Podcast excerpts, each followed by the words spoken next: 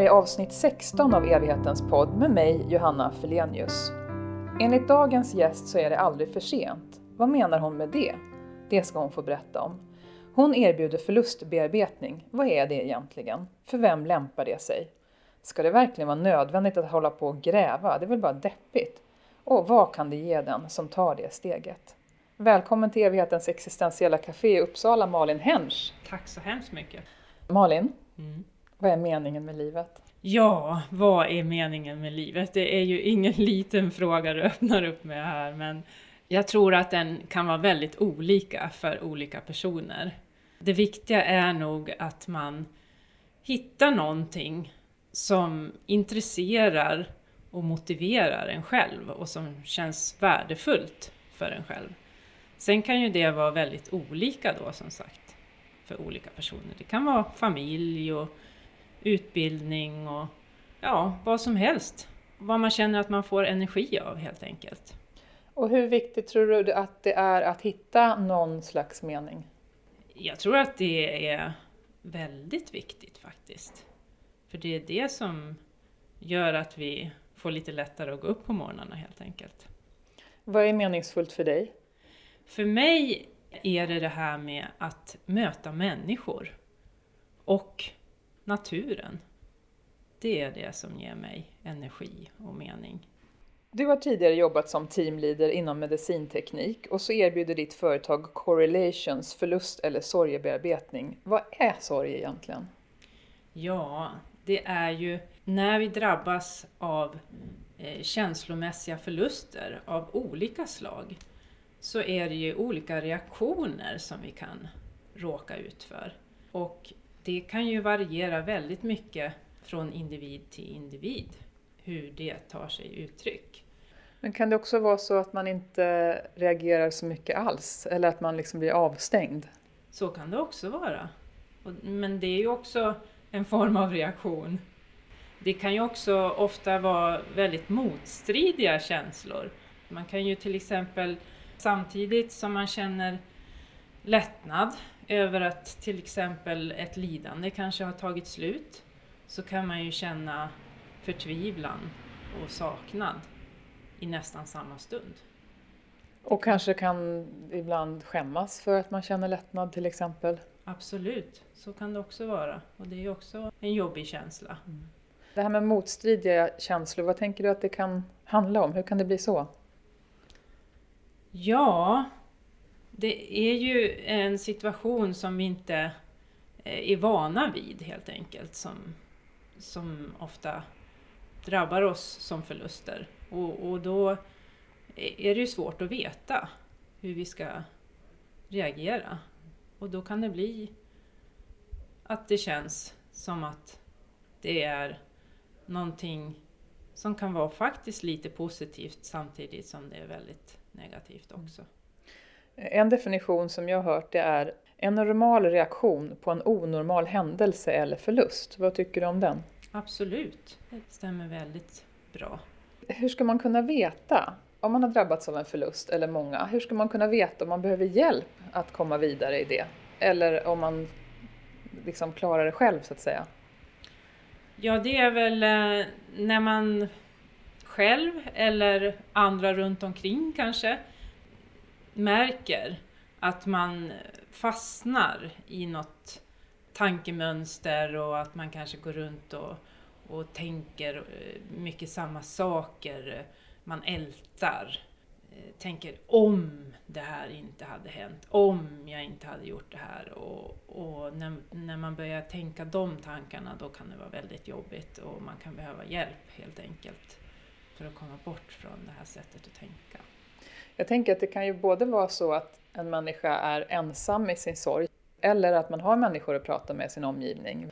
Men att det kanske finns en gräns för hur mycket man bör lasta dem så att säga och hur länge. Ja, absolut. Det är väl så att den här närmaste kretsen tar oftast det här första eh, och ger stöd när det är någonting som händer.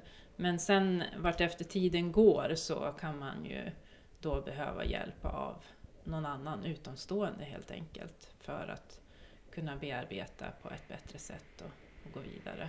Eh, jag har själv grupper i det så kallade orkidéprogrammet för att bearbeta förluster och då använder jag läkeboken Från kris till kraft av Sara Dahlberg Eriksson och i den står det så här. Sorg är ingen sjukdom men man kan bli sjuk av sorg. Vad säger du om det här utifrån dina erfarenheter? Jo men absolut. Det, det är ju de här förlustreaktionerna som, som kan bli långvariga och ihållande som faktiskt yttrar sig som till exempel en depression eller allmän orkeslöshet helt enkelt. Att det blir en påfrestande situation eh, rent fysiskt också. Jag tänker att sorgen har inte så stor plats, eller kanske ingen plats i vårt samhälle och den syns heller inte. Och ibland har den en tendens att heta någonting annat. Mm. Att vi går till en läkare mm. och så kanske vi blir sjukskrivna för utmattningssyndrom fast, fast det kan handla om sorg och förlust. Absolut, jo men det har jag haft flera som har kommit till mig eh, som har fått diagnos depression och, och så. Och de har ju inte fått den här hjälpen inom den vanliga sjukvården tyvärr. Eh, och inte den här förståelsen heller för just vad sorgen innebär och hur man kan bearbeta den heller. Så då blir de klassade som sjuka? Ja, faktiskt. Fast det egentligen är normala reaktioner som blir långdragna. Ett dödsfall är en väldigt uppenbar förlust, men vad tänker du mer att det kan handla om att en människa har förlorat? Det kan ju vara att man förlorar en anhörig också genom separation eller skilsmässa.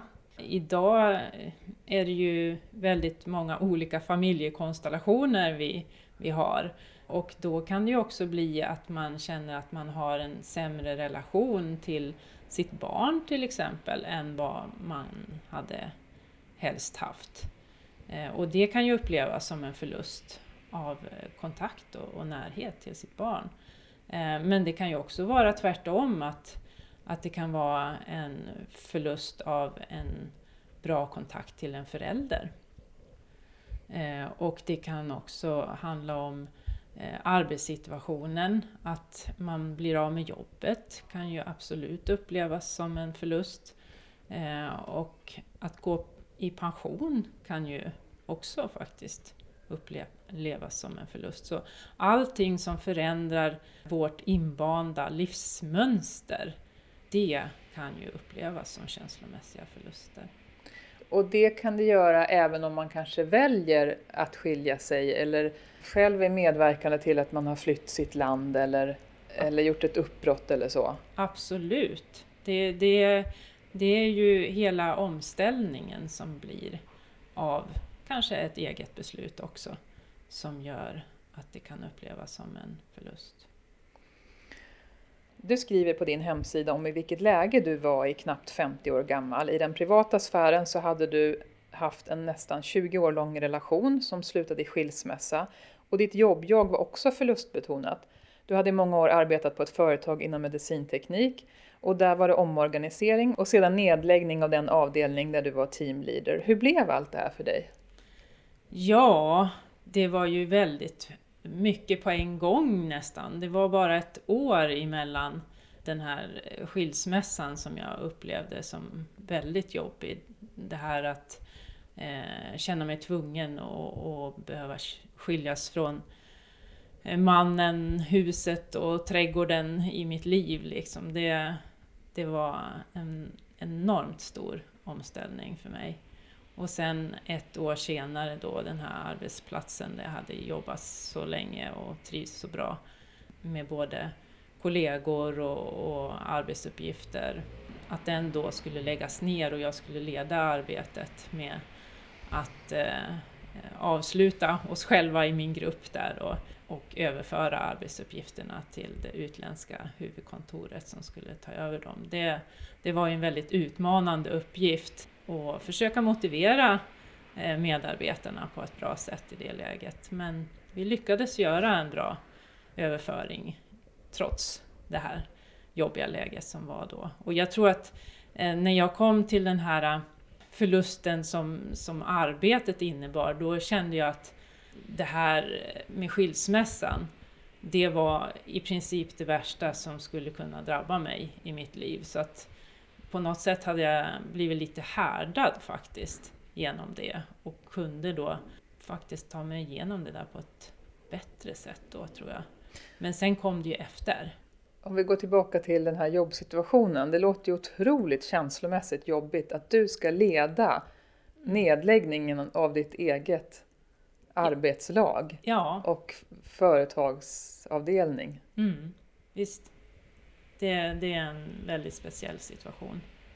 Eh, men det var nog ändå mitt intresse för samarbete som ändå gjorde att jag insåg att de här personerna på andra sidan som skulle ta emot eh, de här arbetsuppgifterna, det var ju inte deras beslut att lägga ner verksamheten i Uppsala. Och jag som hade jobbat där så många år hade ju ändå väldigt god känsla för de här produkterna som vi tillverkade och ville ju naturligtvis att de ändå skulle få leva vidare på ett så bra sätt som möjligt. Men du lyckades alltså även i det läget sortera så att du inte blev liksom hatisk eller rebellisk eller så. Ja, det var nog faktiskt så. Och i det här läget i livet så stannar du upp. På vad sätt då?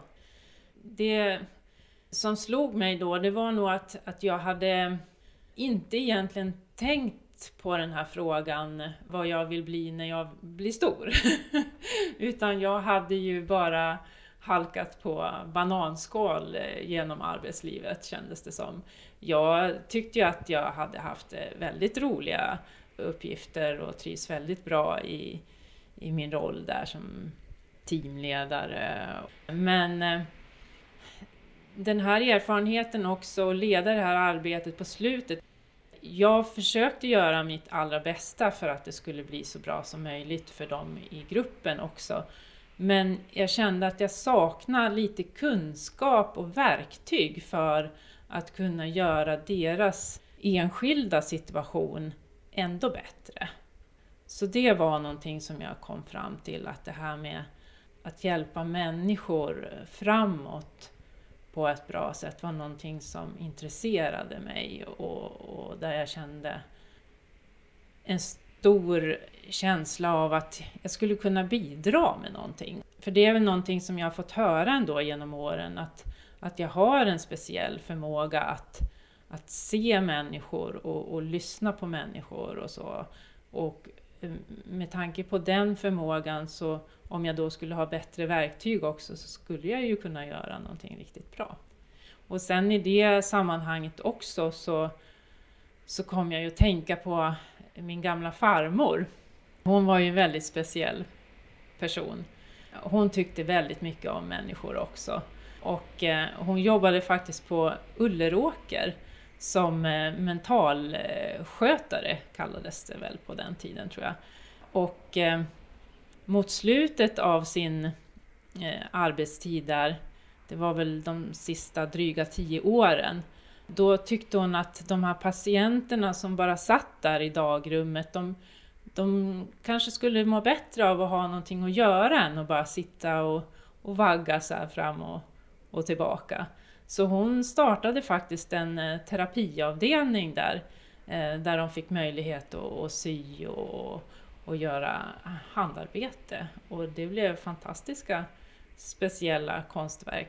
Eh, så det var ju någonting som var väldigt speciellt med henne. Sen när hon gick i pension då, ungefär vid 65 års ålder, hon var keramiker och hade en stor lägenhet centralt i Uppsala med en stor ateljé där. Så hon hade ju då hemma hos sig keramikkurser. Och det var ju väldigt uppskattat av de här deltagarna som kom. Och hon, hon körde inte med drejskiva utan det var att man skulle tumma upp eh, föremålen som man gjorde då och som var väldigt eh, bra terapi tror jag för många personer. Det var obligatoriskt med fika. Hon bakade bröd och gjorde egna marmelader och sådär så att eh, hon var en väldigt eh, varm och intresserad person. Vad häftigt! Hon hade ingen utbildning i psykologi eller sådär utan hon måste ha jobbat liksom intuitivt. Ja, det var ju så. Och en väldigt humanistisk människosyn låter det som. Ja, jo, där var hos Astrid som hon hette, min farmor, där var alla välkomna. Och hur spelade din farmors värv in? Jo, det som, som slog mig då faktiskt när jag började tänka på det här, vad jag allra helst ville göra i livet och vad jag trodde att jag skulle kunna vara riktigt bra på.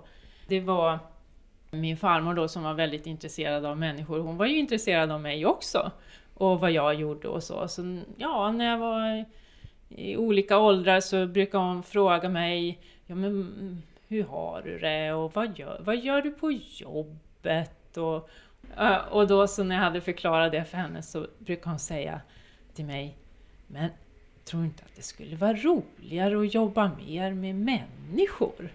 Sa hon till mig. Och jag tog väl emot det, men jag visste inte riktigt eh, hur jag skulle tänka om det, för jag förstod det nog inte riktigt. Utan det var nog först då, eh, när allt det här hade hänt mig, och jag började stanna upp och, och tänka efter, som, som jag förstod vad hon menade. Och det är klart att det är roligare att jobba med människor, för mig. Hur tror du att det kommer sig att hon såg det hos dig? Hon hade väl någon speciell förmåga att se människor hon också. Absolut. Men levde din farmor då när du var i det här skiftet? Nej, Nej. tyvärr. Nej. Hon blev ju faktiskt 102,5 år gammal. Och hon hade ju också sina keramikkurser hemma där tills hon var över 90 år. Och de här insikterna och farmors röst och så, vad, vad liksom ledde det till? Jag bestämde mig för att jag ville jag ville göra det helt enkelt. Jag ville jobba mer med människor än vad jag hade gjort tidigare. Och då var det faktiskt en representant från Unionens chef som jag satt och pratade med. Eh, han sa, men det här med coaching, skulle det kunna vara någonting för dig? Sa han. Och då så tog jag det till mig och funderade, ja men det, det låter ju spännande faktiskt. Och just det här med att kunna hjälpa människor framåt på ett bra sätt. Det gjorde att jag, jag utbildade mig till internationellt certifierad coach. Och jag tyckte att det var fantastiskt roligt alltså. Så det kändes som att du hade hamnat rätt då eller? Ja, äntligen hade jag kommit på vad jag ville, vad jag ville bli när jag blev stor. Ja. Och sen så byggde du på med att bli handledare genom Svenska institutet för sorgbearbetning. Ja, precis. Och det var faktiskt då, jag hade ju ingen aning om att det fanns överhuvudtaget det här med eh, sorg och förlustbearbetning. Men det var när jag gick den här coachutbildningen som jag fick höra talas om det där. Och jag blev väldigt nyfiken och när jag började tänka efter då insåg jag ju det att men oj, jag har ju själv drabbats av väldigt stora förluster i mitt liv. Så jag kände att jag ville gå den där eh, utbildningen, både för min egen skull och se om det var någonting som jag trodde på och som skulle kunna hjälpa andra framåt också. Och vad gav det dig själv? Jo, men det gav ju mig en fantastisk insikt om vad jag har varit med om i livet egentligen. Från, ända från jag föddes i princip till nu. Och jag fick ett helt annat perspektiv på, på mitt liv och, och de förluster som jag har varit med om än, än vad jag någonsin har haft möjlighet till tidigare. Så jag tycker att det var en fantastiskt fin eh, form av personlig utveckling som, som det gav. Eh, om vi pratar förlustbearbetning, kan det vara för tidigt för det? i förhållande till en förlust eller för sent. Att man tänker så här, nej men det där var ju 30 år sedan. Jag hade en svår barndom eller så. Ja, nej för sent är det ju aldrig. Det, det är det aldrig. Utan är det så att man har någonting som man känner att det skaver lite grann och så, då är det aldrig för sent för att bearbeta det. Mm för tidigt kan det ju inte vara heller, men däremot så det som väl oftast brukar vara, det är att om man drabbas framförallt av ett dödsfall så den första tiden är det så mycket omvälvande och praktiska saker också som man behöver hantera och oftast så har man ju stöd av eh, sina allra närmaste i den processen. Så att då är det kanske att man har större nytta av att påbörja en sån här förlustbearbetning efter några veckor i alla fall. Men om det är som så att man är i den situationen att man inte har några nära omkring sig som stöd i den processen från början där, då kan man ju absolut ta hjälp så fort man bara kan. Så du har tillit till att det kan människor känna efter själva Absolut. när det är läge? Absolut. Ja. Mm. Kan du säga någonting om hur det här med sorgbearbetning går till? Ja, i den här metoden som jag jobbar med så utgår vi också ifrån en eh, bok som då heter Sorgbearbetning. Det man gör det är att man får eh, uppgift mellan samtalen då att läsa i den här boken olika avsnitt och också göra hemuppgifter som innebär att man får möjlighet och verktyg eh, till ett annat sätt att tänka och, och förhålla sig till de här förlusterna som man har drabbats av genom livet. Det är ju så att i dagens samhälle så får vi ju lära oss massor om hur vi ska skaffa oss saker. Skaffa utbildning och jobb och boende och så, men vi får ju inte lära oss någonting om hur vi ska göra när vi förlorar någonting. Och det är ju verkligen det som, som den här metoden är till för. Att vi ska lära oss hur vi kan göra för att må bättre när vi drabbas av de här förlusterna. Och då också inventera sitt eget liv och se vad är det för förluster som jag har varit med om genom mitt liv. För många gånger kan det vara så att vi tänker inte ens på att det är förluster. Det är liksom bara saker som händer och så bara går vi vidare och trycker undan att det här var ju väldigt jobbigt. Eh, men så ligger det där och, och pyr och kokar och, och till slut kan det bli att det tar väldigt, väldigt mycket energi. Och det är ju det som framförallt sorgbearbetningen och förlustbearbetningen är till för. Att frigöra den här energin som, som det annars tar. Enskilt eller i grupp, går båda bra eller hur, hur Ja. ser du på det? Ja, det, båda varianterna funkar alldeles utmärkt. Jag jobbar mest med enskilt, men det finns fördelar med båda varianterna. Och jag har haft enkom grupper. Initialt så kan det finnas en liksom lite rädsla eller ovana i vår kultur att dela saker i grupp. Vi har inte för vana att göra det. Mm. Men när människor väl kommer in i det så vittnar de om att det är fantastiskt att få dela med andra under förtroendeingivande former. Vi har ju liksom spelregler i hur vi ska förhålla oss till det som vi får höra. Och också att få lyssna på andra. Och även om det kan vara helt olika skäl till att man är där så kan det vara otrolig igenkänning. Det här med sorgbearbetning, i hur stor utsträckning är det liksom bara mörkt? Jag möter föreställningen om att det är bara deppigt. Eller finns det också plats för att minnas det som är de ljusa sidorna av en relation till exempel? Absolut, och, och det är ju mycket för att kunna göra det på ett bra sätt som man gör förlustbearbetningen. För att få tillgång till de här eh, glada eh, minnena också. Eh, framförallt att bevara dem och kunna släppa det som var mindre bra. Och just den här känslan av lugn och acceptans som det för med sig. När du säger släppa och du pratar om acceptans, vad menar du då? Ja, det är ju att, att se sin egen del i de saker som har hänt i ens liv och se andras del också. Och inse att även om man tycker fortfarande att det som hände en kanske känns inte okej. men man kan faktiskt inte förändra andra eller göra någonting ogjort. Utan då finns det bara ett alternativ. Och det är att acceptera det som har hänt.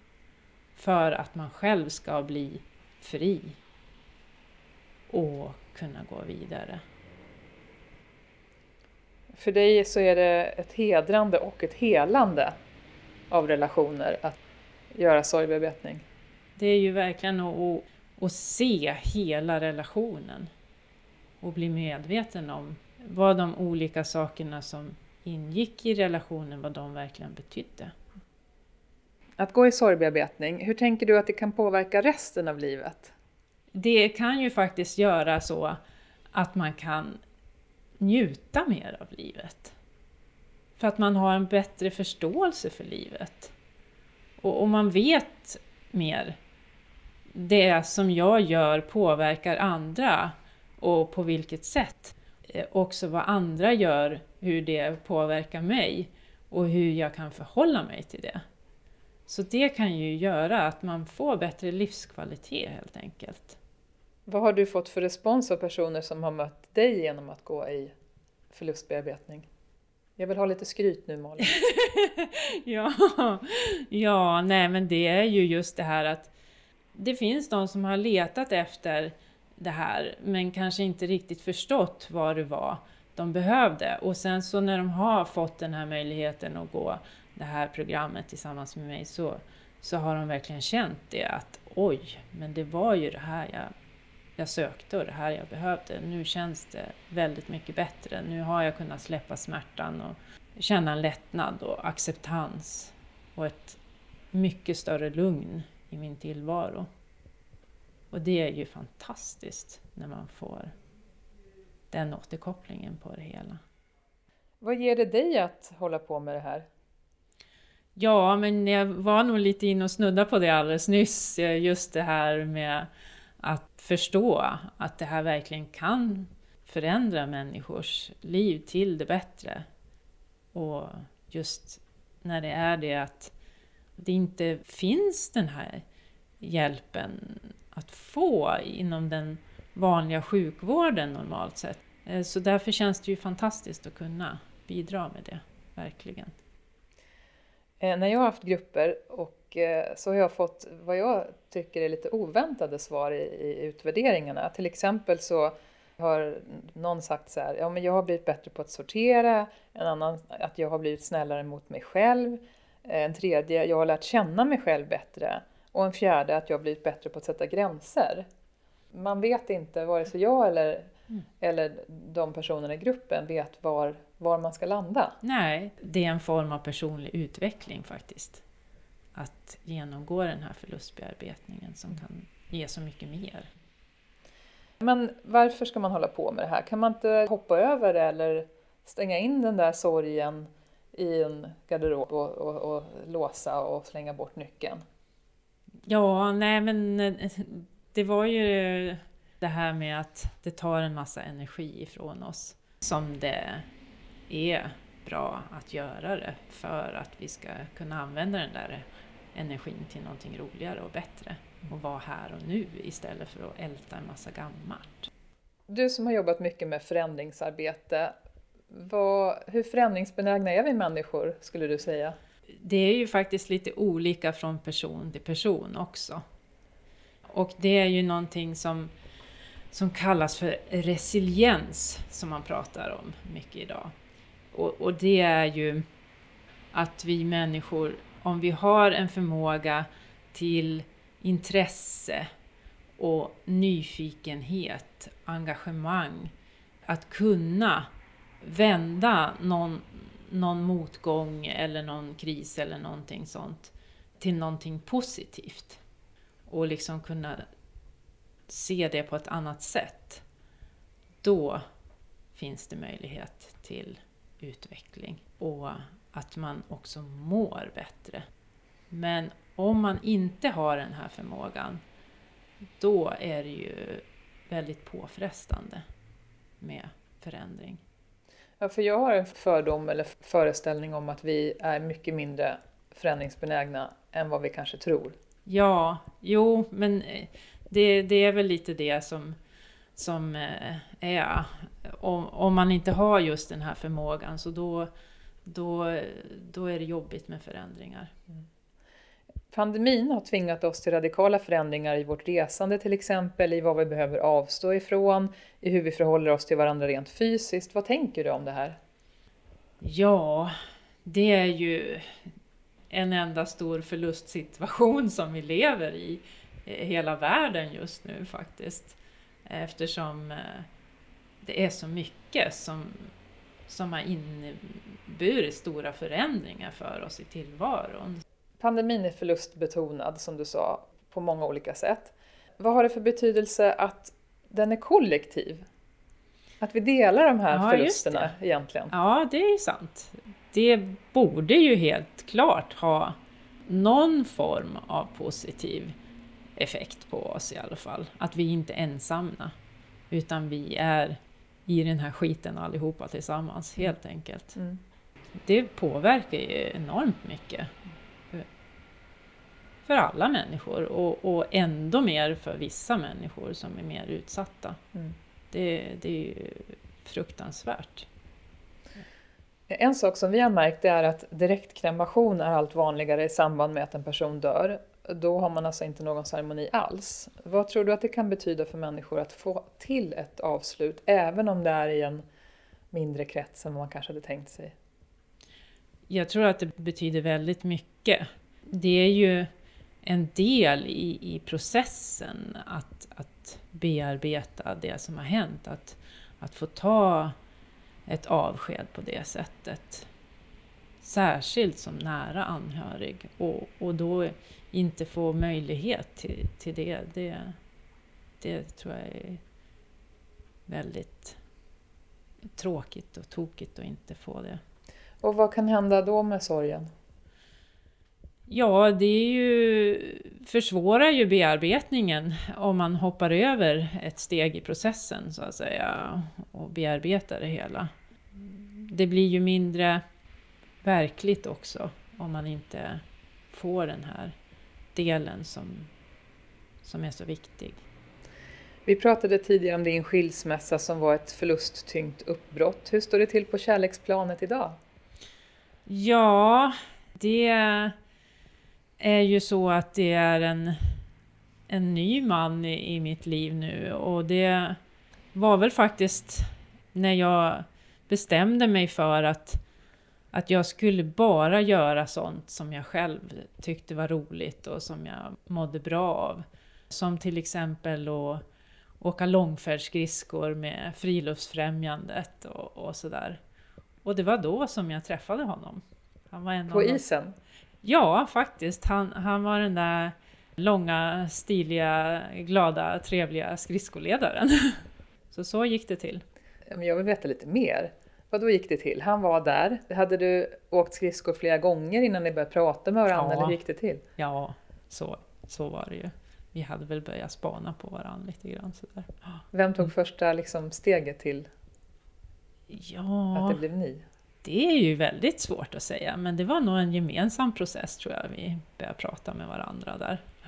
Vi var nog ganska inne på samma spår tror jag. Så det kändes väldigt härligt. Mm. Det låter som att du fick någon slags insikt om att ja, säga ja till livet lite mer och sånt som du mådde bra av. Att liksom unna dig att känna efter och, och, ja. och förverkliga det så att säga. Ja, ja. Jo, och det gav gott resultat. Vad är det som gör att du vill lyfta fram det här med att du faktiskt är i en ny relation utifrån att det var så mörkt för dig innan? Ja, det är väl det att vi är ju många som drabbas av problem i, i våra relationer. Och i, I min situation med, med min exman där, då hamnar vi i en situation med ett problem som överskuggade hela vår tillvaro. Så det blev en konfliktsituation eh, som trapp, trappades upp och vi kunde inte vända det där. Och, och, när man förlorar respekt och tillit för varandra, då är, det, då är det väldigt svårt att göra någonting åt det själva. Vi tog hjälp, det gjorde vi, men då var det redan för sent. Så mitt råd till alla som känner att nu är det någonting som inte känns bra i relationen här. Att ta hjälp av någon utomstående innan det går för långt. För då är det mycket svårare att vända det. Var i ligger hoppet i förhållande till våra relationer utifrån dina egna förluster och din egen resa? Ja, det här med hur relationer fungerar, det har ju också varit en väldigt stark drivkraft för mig att, att skaffa mig mer kunskap om just hur relationer fungerar. För att undvika att hamna i den här situationen igen. Att det är någonting som går överstyr helt enkelt. Mm. Tycker du att du är klokare i din nuvarande relation än vad du var i den förra? Ja, det tycker jag. Naturligtvis har ju ingen människa förmåga att vara perfekt. Men eh, jag har fått mycket mera distans och eh, kunskap och ett annat förhållningssätt än vad jag hade tidigare. Och hur kan det märkas i vardagen eller vad man ska säga? Att förstå lite mer vad som är viktigt och ge olika saker tid som behöver ha tid och, och framförallt vara tydlig och ha en bra kommunikation hela tiden. Varje relation är ju unik eftersom alla människor är ju unika. Och därmed har ju också alla relationer sina poänger och, och fördelar. Eh, så det är ju någonting man också kan ha med sig att det går aldrig att återskapa en likadan relation som man har haft med någon annan utan en ny relation är en ny relation. Och på vad sätt tycker du att det är viktigt att påminna sig om det?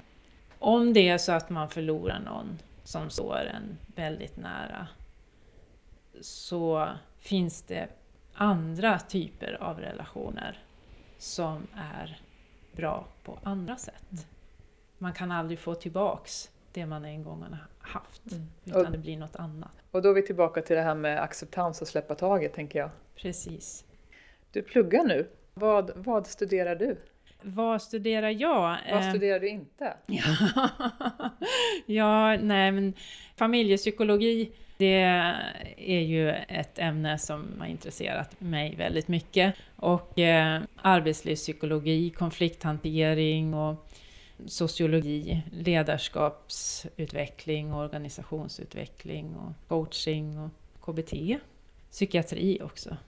Men vad vill du göra med det här? För du är ju en massa saker redan. Nej, för min del har det väl handlat om att, att hitta metoder som jag tycker är väldigt bra och som fungerar bra. Men sen vill jag också genom att skaffa mig kunskap också försäkra mig om att det här verkligen är bra. Så att inte eh, jag håller på med någonting som, som visar sig att nej men det här var inte en bra metod utan jag vill kunna komma till en egen slutsats genom att få lära mig mer om vad forskningen säger och så. Och eh, hittills så har jag inte hittat något som har motsatt de här metoderna som jag jobbar med utan snarare bekräftelse på att det sätt som jag jobbar på är det som kan hjälpa människor framåt på ett bra sätt. Det låter skönt. Ja, väldigt skönt. Mm. Men vad säger det om dig att du när du var 50 år fyllda precis sätter dig i skolbänken? Det är väl kanske att jag har lite grann av den där resiliensen i alla fall, tänker jag. Nyfikenheten och intresset och engagemanget som gör att jag vill ta reda på hur jag kan göra saker på bästa sätt.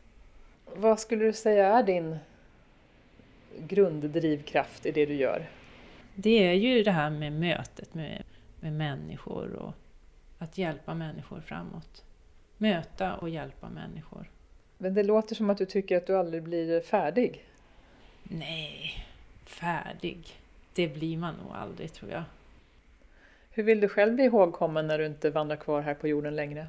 Det är väl som en positiv och eh, varm person som tyckte om mötet med människor och naturen.